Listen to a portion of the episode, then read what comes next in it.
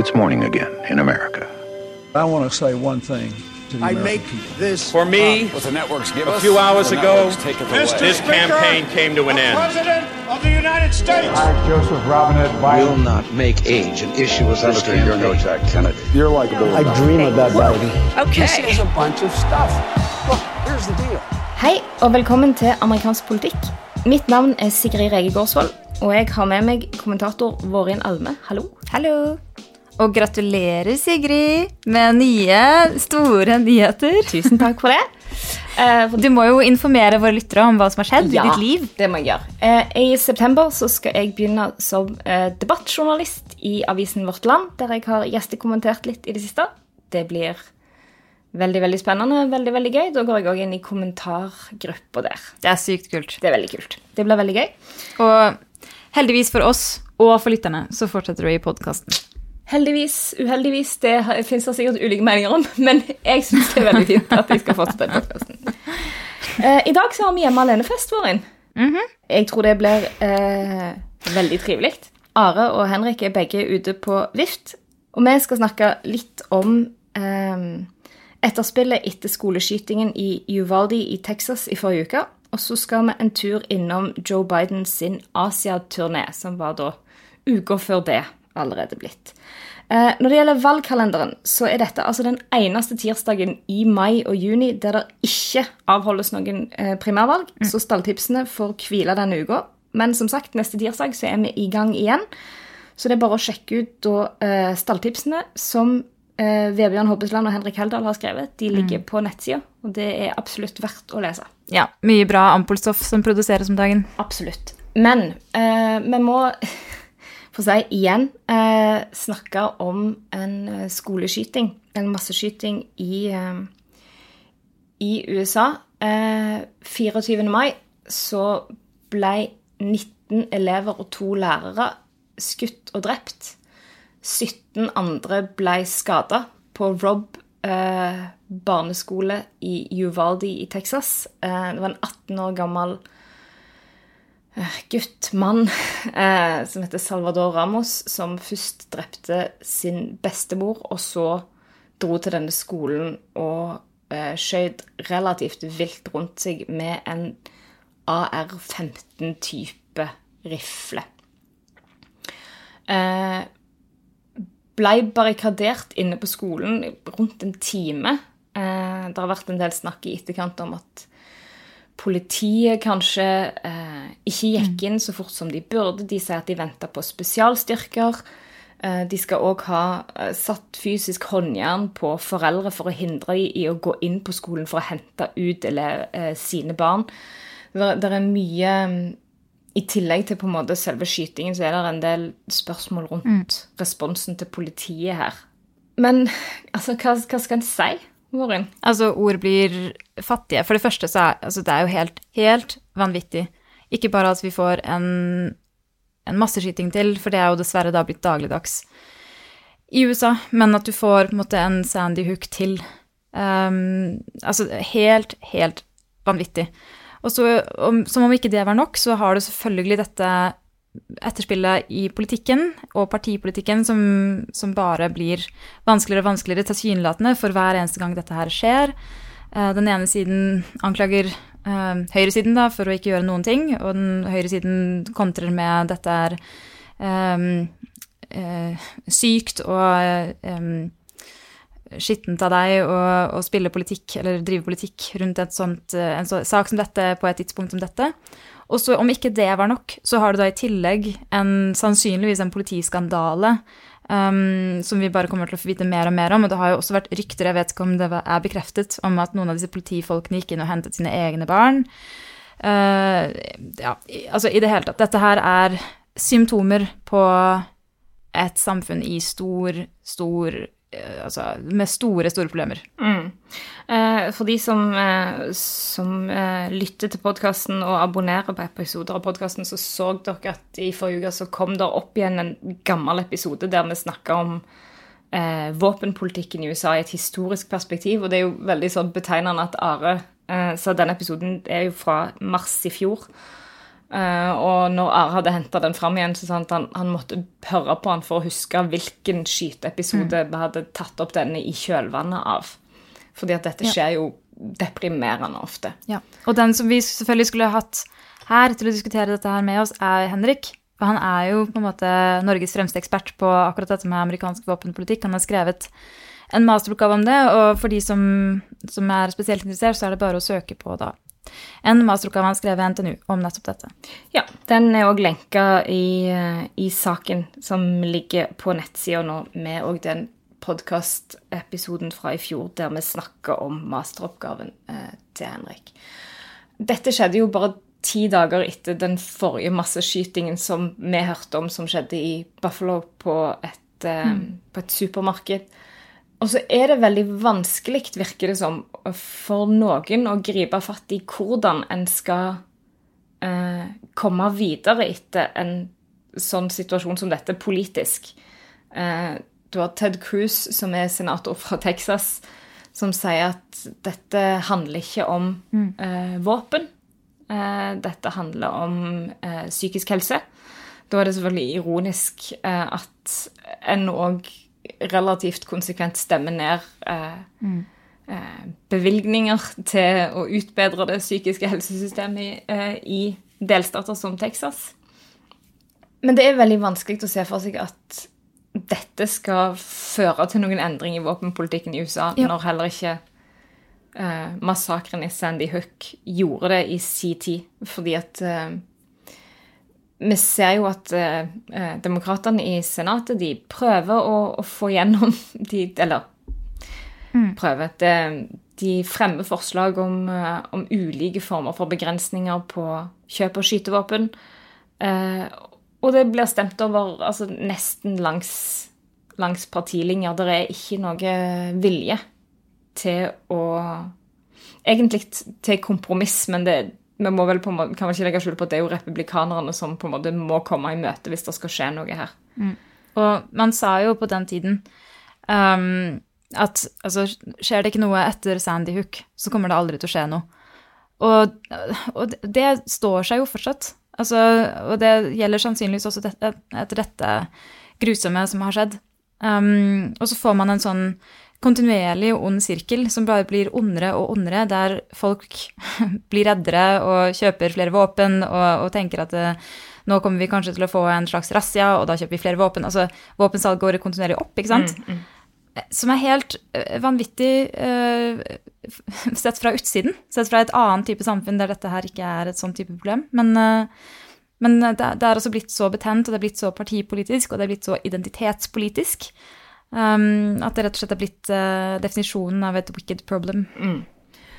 I uh, går eller natt til i dag så tvitra Justin Trudeau, eh, statsminister i Canada, at «One Canadian killed by gun violence is one too many». Uh, og så går han videre og snakker om de har fremma altså, nye lovforslag i Canada for å stramme inn regelverket rundt våpen der. Men det som jeg syns var veldig påfallende, var det som han sier at allerede nå så er 1500 typer av det han kaller military style eh, våpen, altså eh, skytevåpen, forbudt i Canada. Og det sier jo noe om, om hvor omfattende Og det er jo det som òg er utfordringen med å utforme lovgivning som kan innføre eh, en eller annen form for kontroll på skytevåpen, fordi at det er så ekstremt mange, og det er våpenindustrien er veldig dyktig på å jobbe rundt de forbudene som fins. Ja. Eh, Og det har han jo sett flere ganger når det har blitt innført forbud mot ulike skytevåpen i USA, eller ulike former for eh, tilbehør til våpen. Eh, så dukker det opp noe på markedet rett etterpå som er til forveksling nesten likt, men mangler akkurat det som gjør at de vil falle inn under den lovgivningen. Ja. Dette er gigantisk og så komplekst, og så er det vel, vil jeg tro, også kanskje et problem at uh, kunnskapen om alle disse nitty-gritty detaljene uh, gjerne på en måte favoriserer den siden som, som liker våpen, og som, som ikke ønsker våpenkontroll. Men hva At det er en skjevhet der, da.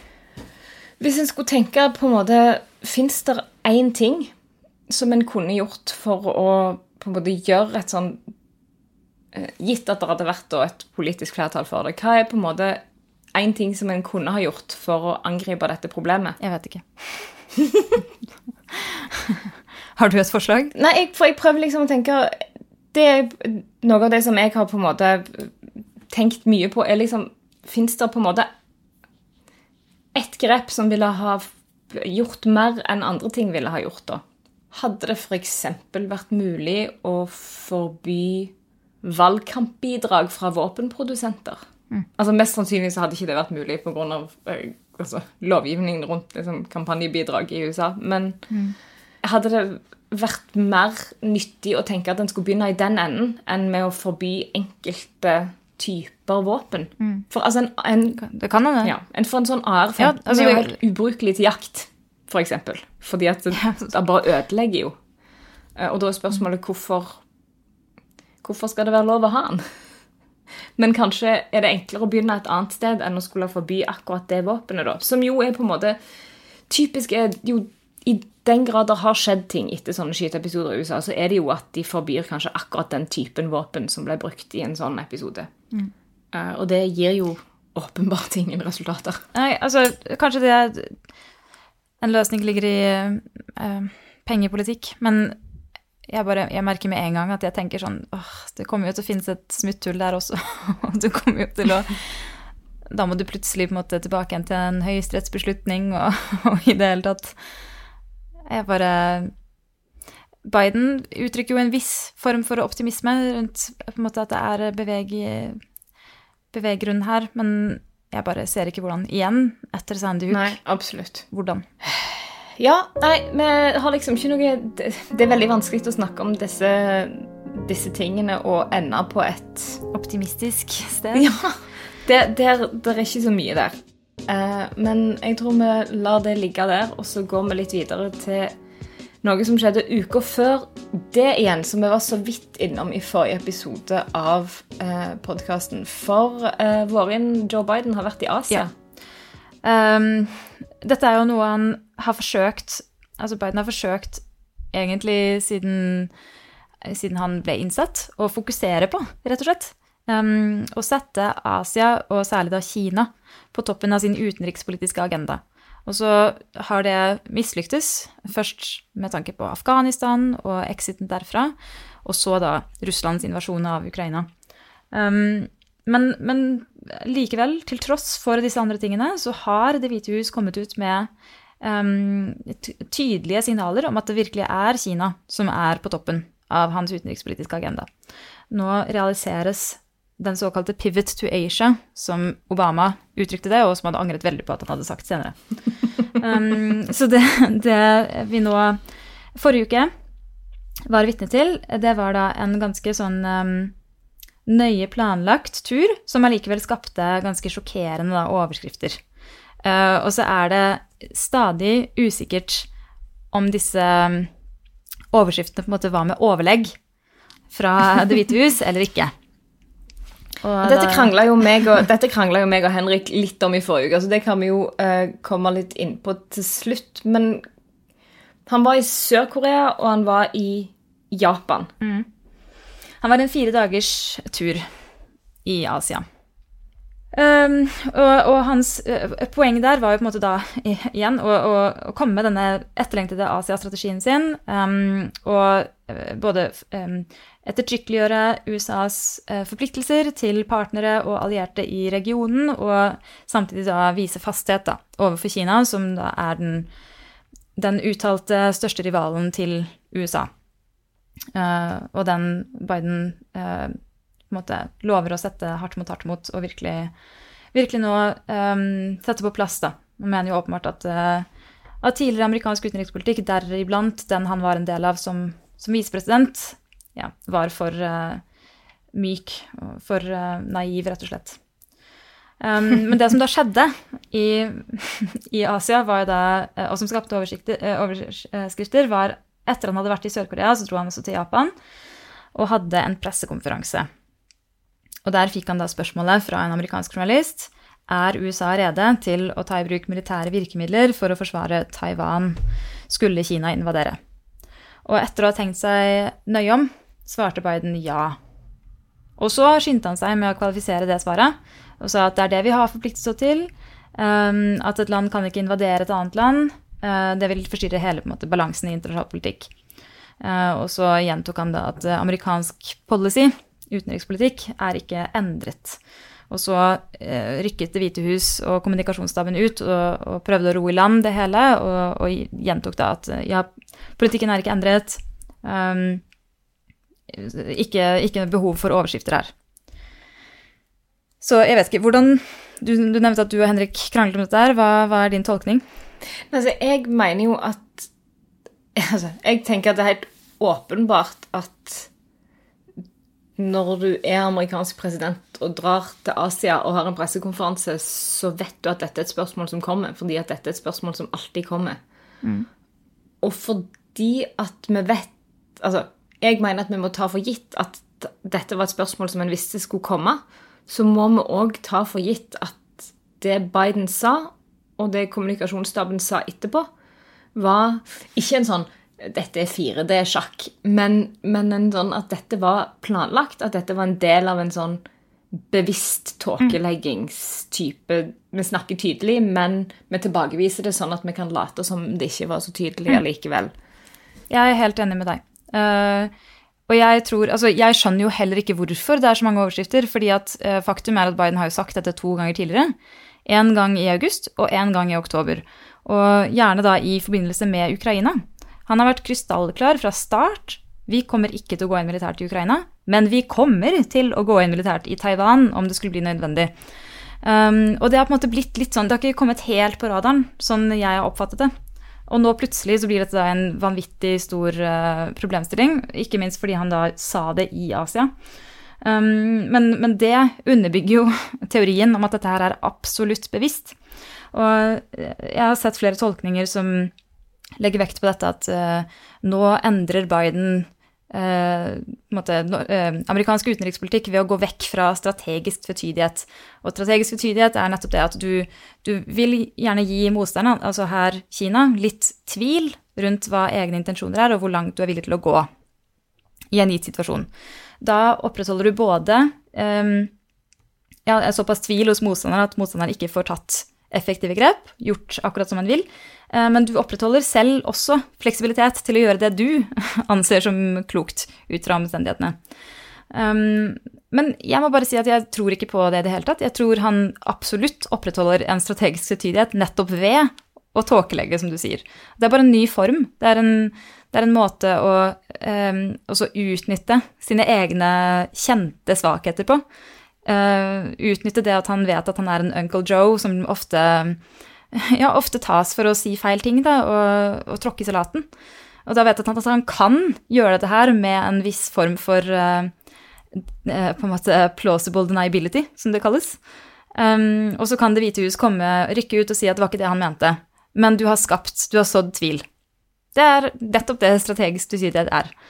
Så jeg tror det er en form for um, Det er en måte å gjøre den litt mer offensiv på. Og skape litt mer angst hos kinesiske uh, counterparts. Da. Og det har han jo åpenbart klart, for uh, kineserne svarte rimelig krast, og jeg tror uttalelsen deres var noe sånt som at hvis du leker med ilden prikk, prikk.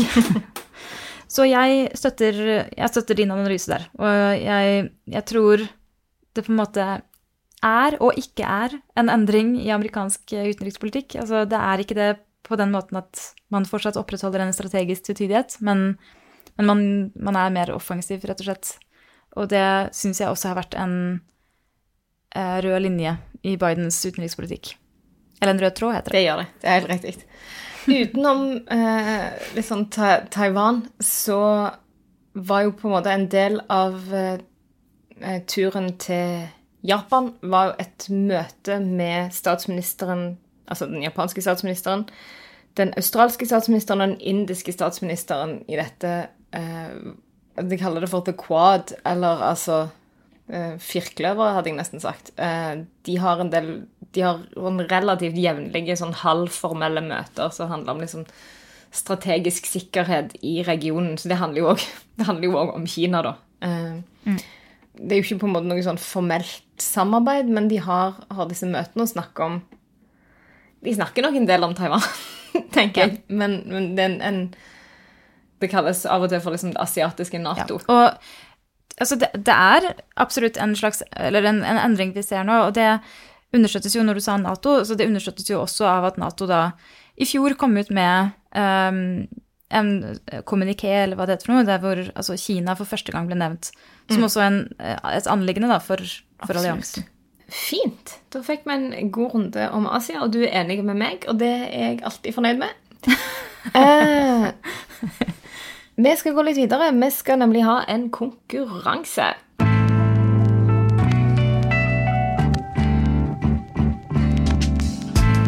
Det har seg sånn at eh, venn av podden, eller skal vi si svoger av podden, eh, Andreas Holmedal Hvidsten, som er postdoktor ved MF Vitenskapelig høgskole og Vårins eh, eh, ektemann, eh, han har skrevet ei bok.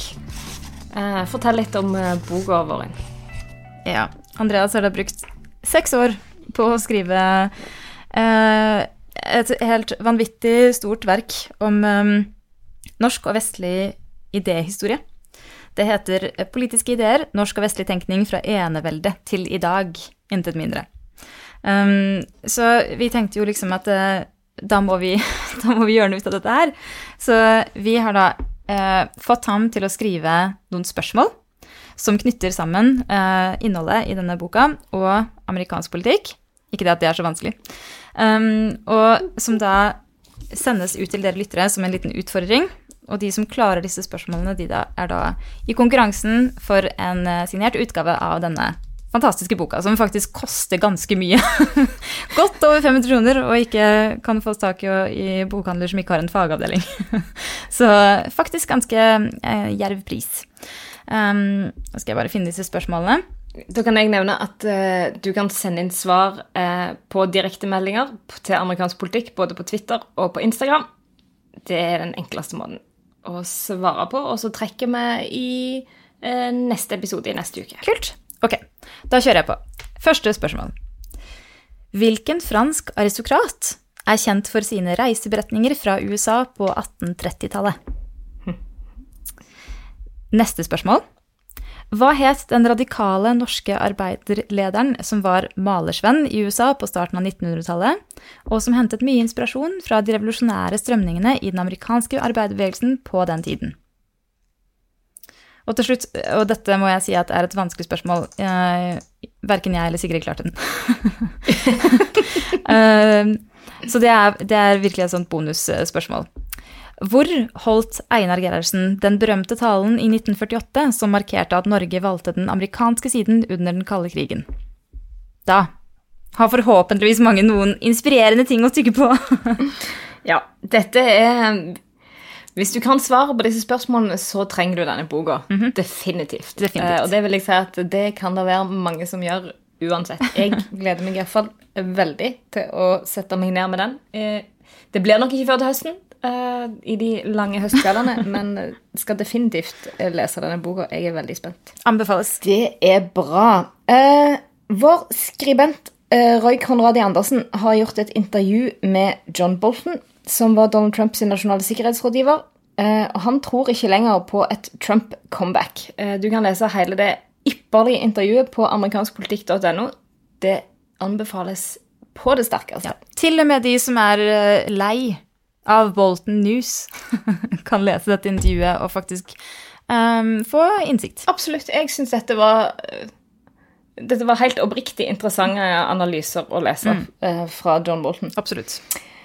Vi har eh, sju onkler i Amerika som støtter oss eh, litt ekstra på patrion.com skråstrek ampol. Tusen takk for støtten til dere. Det er Jan Christian, Marius, Jens, Jan Ervin, Rune, Per Arne og Håvard. Takk òg til alle dere andre som støtter oss på Patreon, og dermed får tilgang til spesialutgaver av podkasten og får litt merch i posten. Eh, Vårin, takk for i kveld. Så flink du er som programleder. Veldig fornøyd sjøl. For me, What the networks give a few hours ago, networks take it away. this campaign came to an end. President of the United States. Joseph Robinette Will not make age an issue as I Senator, you're no Jack Kennedy. You're likable. I dream about Biden. This is a bunch of stuff. Look, here's the deal.